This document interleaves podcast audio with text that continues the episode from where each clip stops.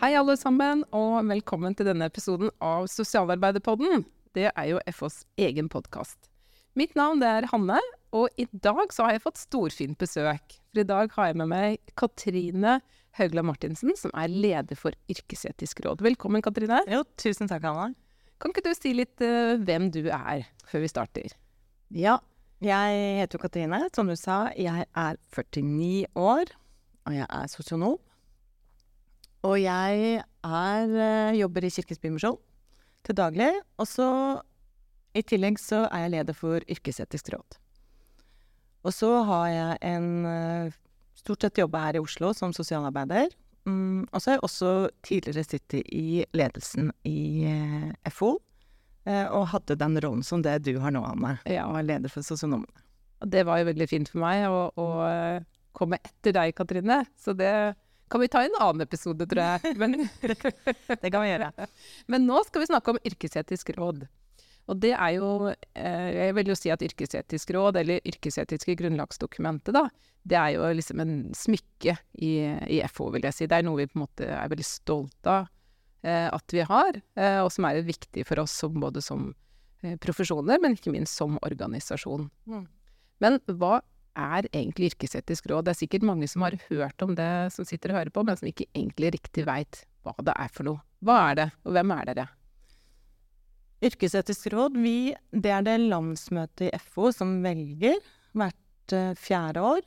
Um, og da er det sånn at det, det står nedfelt i grunnlagsdokumentet hvordan dette skal være satt sammen. Mm. Og vi som tilhører FO, um, det er jo flere profesjoner. Det er jo både barnevernspedagog, sosionomer, vernepleiere og velferdsvitere. Og alle de gruppene skal være representert inn i rådet. Og da er det tre representanter for hver av de profesjonene, og så er det én velferdsviter. I tillegg så er det to eksterne medlemmer som er med i rådet. Det er ikke noe sånn veldig spesielle kriterier for å være med i det rådet. Det er jo, det er jo som du sier, et, et råd som Ofte så har man kanskje spurt de som har litt lang erfaring, som har vært opptatt av det med yrkesetikk og profesjonene og, og feltene våre. Um, og så er det det rådet vi har nå, er en fin blanding av noen som har vært med lenge, og noen som starta ble valgt inn i forrige runde. Sammen med meg. Jeg har også bare sittet i denne perioden her. Det rådet Vi har jo en oppgave, så det står også veldig sånn tydelig Det er et mandat som denne, det rådet har. Vi skal være med på å løfte fram eh, den yrkesetikken. Eh, både den refleksjonen rundt det, men også handlingene. Altså liksom være med på å fremme det blant våre profesjoner. Og, det som, og da er det jo det grunnlagsdokumentet som er på en måte vår eh, bibel, da. Det er det som er eh, det vi lener oss til. Mm. Og det er det som vi baserer liksom det arbeidet på. Og så er det også en uh, annen oppgave som rådet har, og det er at det er klagebehandling. At det er mulig å henvende seg til rådet hvis man opplever seg uh, uetisk behandla eller klanderverdig behandla som hvis du er klient eller pårørende eller hva som helst, for så vidt, i møte med våre profesjoner ute i feltene. Og så kan det også andre som er uh, hvis man er, har etiske dilemmaer man ønsker å drøfte, eller ting som er vanskelig, som man syns trenger liksom å lufte tankene sine med, så kan man også ta kontakt. Og så er det også sånn at man kan uh, det, er jo, det, er jo, en del som også henvender seg, som har en uro knytta til kanskje en kollega. Eh, ikke sant? Som Er det grenseoverskridende atferd her? Hva er dette for noe? Ikke sant? Det er vanskelige ting. Man kan også sende liksom, bekymring eller en klage på på kollegaer. Mm. Det som er eh, fint, syns jeg, da, det er jo at dette grunnlagsdokumentet vårt, det, det gjelder for alle. Eh, alle i Norge som har de profesjonene. Mm. Må, det er på en måte forplikter oss alle om man er medlem av FO eller ikke. Men det er liksom FO som har fått den oppgaven da, som det liksom store profesjonsforbundet for våre eh, profesjoner, til å liksom forvalte det Eh, og det er det vi i Yrkesetisk råd prøver å gjøre. sammen. Hvor ofte møtes dere, forresten? Det er litt forskjellig. For den, vi har jo som alle andre blitt eh, litt mer fleksible nå Ja, litt digitale. Litt digitale. Så nå har vi mye oftere og hyppigere møtepunkt Ja. gjennom at når det kommer saker inn, at vi raskere f.eks. kan drøfte det eh, på møtes på Teams. Ja. Men eh, sånne andre fysiske møter, så kan det være sånn tre ganger i halvåret kanskje. Det er litt ulikt. Ja. Det kommer litt an på eh, hvor mange saker som har kommet inn til oss. Eh, for det vi erfarer, er jo at det er fint å Det ofte kan bli for lenge å vente, ikke sant, ved henvendelser. Veldig ofte så er det jo kanskje jeg som får henvendelsene direkte, altså telefoner. Eh, For det er mitt telefonnummer som står som leder for rådet. eh, På nettsidene. For det står ganske mye om yrkesetisk råd på nettsidene til FO. Der ligger også grunnlagsdokumentet som man kan laste ned eller lese. Og der står også prosedyrene liksom, på eventuell klagebehandling, hvordan det skal være. Men um, veldig ofte så er første kontakt at noen ringer. Det kan da gjerne være ja, klienter selv. Eh, ofte så kan det være foreldre fra barnevernet som ringer eh, og har en sak de ønsker å drøfte. Eller det er eh, våre profesjoner, altså ansatte, som syns ting er noe er vanskelig, så de har lyst til å drøfte med. Ja, så da er det egentlig sånn da, at uh, hvem som helst kan strengt tatt henvende seg til yrkesetisk råd, og til deg da kanskje i første rekke, og så tar du med deg eventuelle problemstillinger og temaer tilbake til rådet da, eller er det, er det sånn det foregår? Ja, det er absolutt sånn at hvem som helst kan henvende seg til oss når de har vært i møte med noen av våre profesjoner ute. Um, men man kan også sende skriftlige henvendelser, og, og administrativt i FO så får man jo også noen henvendelser, og så, og så har vi kontakt. Men da tar vi den med til rådet, eller eh, jeg sender en henvendelse, er det noen som har mulighet til å være med på dette Teams-møtet? Eh? For det er en problemstilling jeg ønsker å drøfte. Og noen ganger så blir det mer en type veiledningssamtale, som ikke går, kommer lenger. og så blir det en orienteringssak eh, til rådet, eksempel. Mm. Men kan du, har du noen konkrete eksempler på type temaer eller problemstillinger som dere eh, får på bordet? Ja, jeg syns at gjennom disse årene så, så syns jeg det er kanskje tre typer eh, liksom, henvendelser som kommer. Um, den store gruppa henvendelser fra brukere selv, det er fra barnevernet. Det er foreldre som har opplevd eh, å miste omsorgen, i hovedsak. Um, det er ikke så veldig mange andre henvendelser fra brukere. Um, klienter fra andre felt enn barnevernet, og det er jo eh, Det er jo interessant, og det har vi snakka mye om. Uh, og jeg skulle jo virkelig ønske at det hadde vært jevnere. For man kan jo tenke seg at det er også brukere, pasienter, Absolutt. pårørende fra andre tjenester som også opplever ting som de tenker kanskje ikke er helt innafor. Absolutt. Og jeg syns at det er et tankekors, for det er klart at uh, det har jo Det blir en økning ofte med henvendelser når det er store saker i media, eller de har disse på en måte gruppene, brukergruppene nesten, på, i sosiale medier som mobiliserer innafor barnevernsforeldres sakene. Um, og på et eller annet vis så har de, de klarer å De har mobilisert seg sjøl, altså den, den mobiliseringen. Og den samme mobiliseringen ser ikke vi innafor f.eks. tjenester til utviklingshemmede, eller pårørende der, eller innafor rusfeltet eller de andre feltene. Um, og det Så der er det mye tausere. Um, og det er jo en svakhet sånn sett. Mm. Når det kommer til en andre type kanskje henvendelser, så er det, da er det mer likt jevnt fordelt fra alle feltene. Det er når det er ansatte selv som tar kontakt. Uh, at de er bekymra for uh, Har en uro for uh, en kollega som eh, opptrer klanderverdig, grenseoverskridende, inn, usikker kanskje, inngått relasjoner, seksuelle relasjoner, altså den delen der. Eller eh, ja, har en eh, atferd overfor sine brukere som de reagerer på.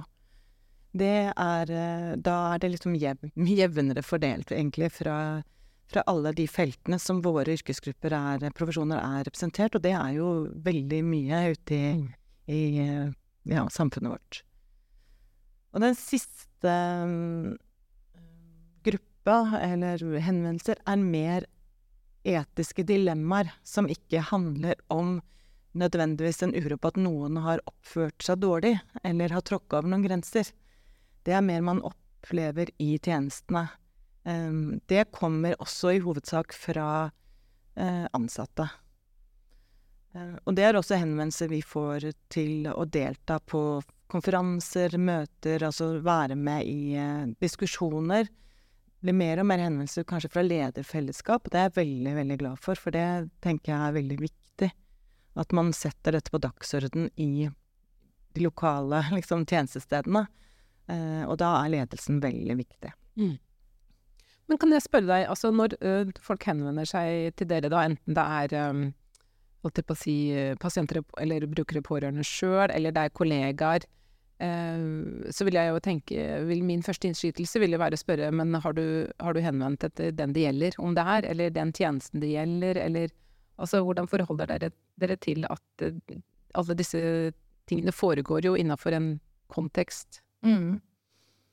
Ja, det er helt riktig, og det er vel der vi har starta mye. Og det som vi nok har styrka litt denne perioden, er det at vi ser verdien. Altså det er veldig viktig med den dialogen, samtalen, både med den som henvender seg, om det er det en som klager, ønsker å klage, eller bare det er eh, råd og veiledning. Men også når det blir konkrete eh, bekymringer knytta til noen, at, og tjenestesteder, at vi tar kontakt med de tjenestestedene. Um, for å få um, lytte ut og høre liksom hva Hva er responsen, eller hvordan er konteksten her? Men jeg opplever nok at de som ringer til meg som Eller til oss som eh, er bekymra for en kollega, uh, som Der er det i Det tror jeg i alle henvendelser har vært anonyme. Eh, og da opplever jeg at eh, det mange trenger da, er rett og slett å ha noen å drøfte det med man vet gjerne litt hva som er riktig. Man trenger litt mot, og, så, og trenger å, å snakke litt høyt med noen om det man har en uro for, liksom dilemmaene for mot handlingsalternativene. Og, og det som er veldig naturlig å, og, å, å gjøre, og er jo ofte, det er jo det å spørre liksom Har du snakket med sjefen din om dette? hvordan, eh, ikke sant, å gå liksom den, den veien. Um, ja, og de eh, Så der opplever jeg at det blir eh, mye Det kan være noen runder med noen samtaler, og ta seg tid til det, og så vet jo ikke jeg helt hvordan det ender. Men det jeg Min opplevelse er, er at eh, det kan være For vi kommer opp i situasjoner hvor vi ikke helt Vi har en uro, en murring av dette her er ikke helt greit. Man har gått kanskje og kjent på det en stund. Syns det er vanskelig. Det er mange liksom dilemmaer. Hva er det som står på spill her nå? Hvis jeg liksom sier fra eller gjør, ikke sant? Og så gir det, så slipper de ikke taket. Eh, og da er det godt å snakke med noen som er litt utafor, og som kan også eh, på en måte hente fram, hjelpe til å hente fram liksom, men hva eh, ikke bare den uroen og murringen som man ikke helt har satt ord på, men liksom, men hva handler det om? Og når du sier det, men hva, hva, er, hva er alternativene å gjøre da, egentlig, ikke sant? Så det er på mange måter en typisk sånn sparringspartner? Ja, jeg syns at i noen tilfeller som, så blir det det. Mm. Det er jo veldig fint, tenker jeg, at man har en sånn mulighet. eh, og bare minne om det du sa om at eh, på FONO så ligger det jo eh, en egen temaside om eh, yrkesetikk og også yrkesetisk råd. Sånn at eh, hvis det er noen som lytter og hører på nå, som blir nysgjerrig på og vil vite mer om både rådets sammensetning og hva dere gjør og hvem dere er, så går det altså an å gå inn på FONO og få mer informasjon. Men jeg har bare lyst til å snakke litt mer også om dette yrkesetiske grunnlagsdokumentet. Som, eh, som i hvert fall jeg og vet også du og mange av oss andre er veldig stolt av. som jo er dette smykket, ikke sant, eh, og som er veldig viktig for vår yrkesutøvelse. Eh, og som også, som du sier, gjelder for alle ja, våre profesjoner, enten man er organisert i FO eller ikke. Det er på en måte FO som har fått oppdrag å forvalte denne yrkesetikken da, på vegne av profesjonene. Noe som jo er en veldig sånn viktig og æresfullt oppdrag, egentlig. Og dette er jo et lite hefte, faktisk som det også går an å finne inne på FHNO. Eh, laste ned eh, og, og, skrive ut, eller man kan også bestille det i nettbutikken. Men hva er det yrkesetiske grunnlagsdokumentet? Klarer du å forklare det på en litt sånn rask, kort måte? Ja, jeg kan jo prøve. Jeg vil jo først og fremst anbefale alle alle våre de profesjoner, alle oss, til å lese det, og, og, gjen, og lese det ofte. Mm. Um, for det er, eh, det er, veldig, veldig fint. Det er Jeg blir sånn stolt og glad nesten hver gang jeg leser det. Og jeg synes at de formuleringene er, er så gode, og de hjelper oss uh, til å uh, sette det arbeidet og, og, hvem vi er, og hva vi skal forvalte og gjøre, liksom inn i den sammenhengen. Det er skikkelig, skikkelig fint. Og de fleste av oss, da vi gikk på studier, så, så er jo dette et liksom tema. Man bruker det en del. Og så kan det hende at vi, når vi kommer ut i praksis og jobber, så gjør vi ikke det helt. Altså, vi leser ikke det så ofte.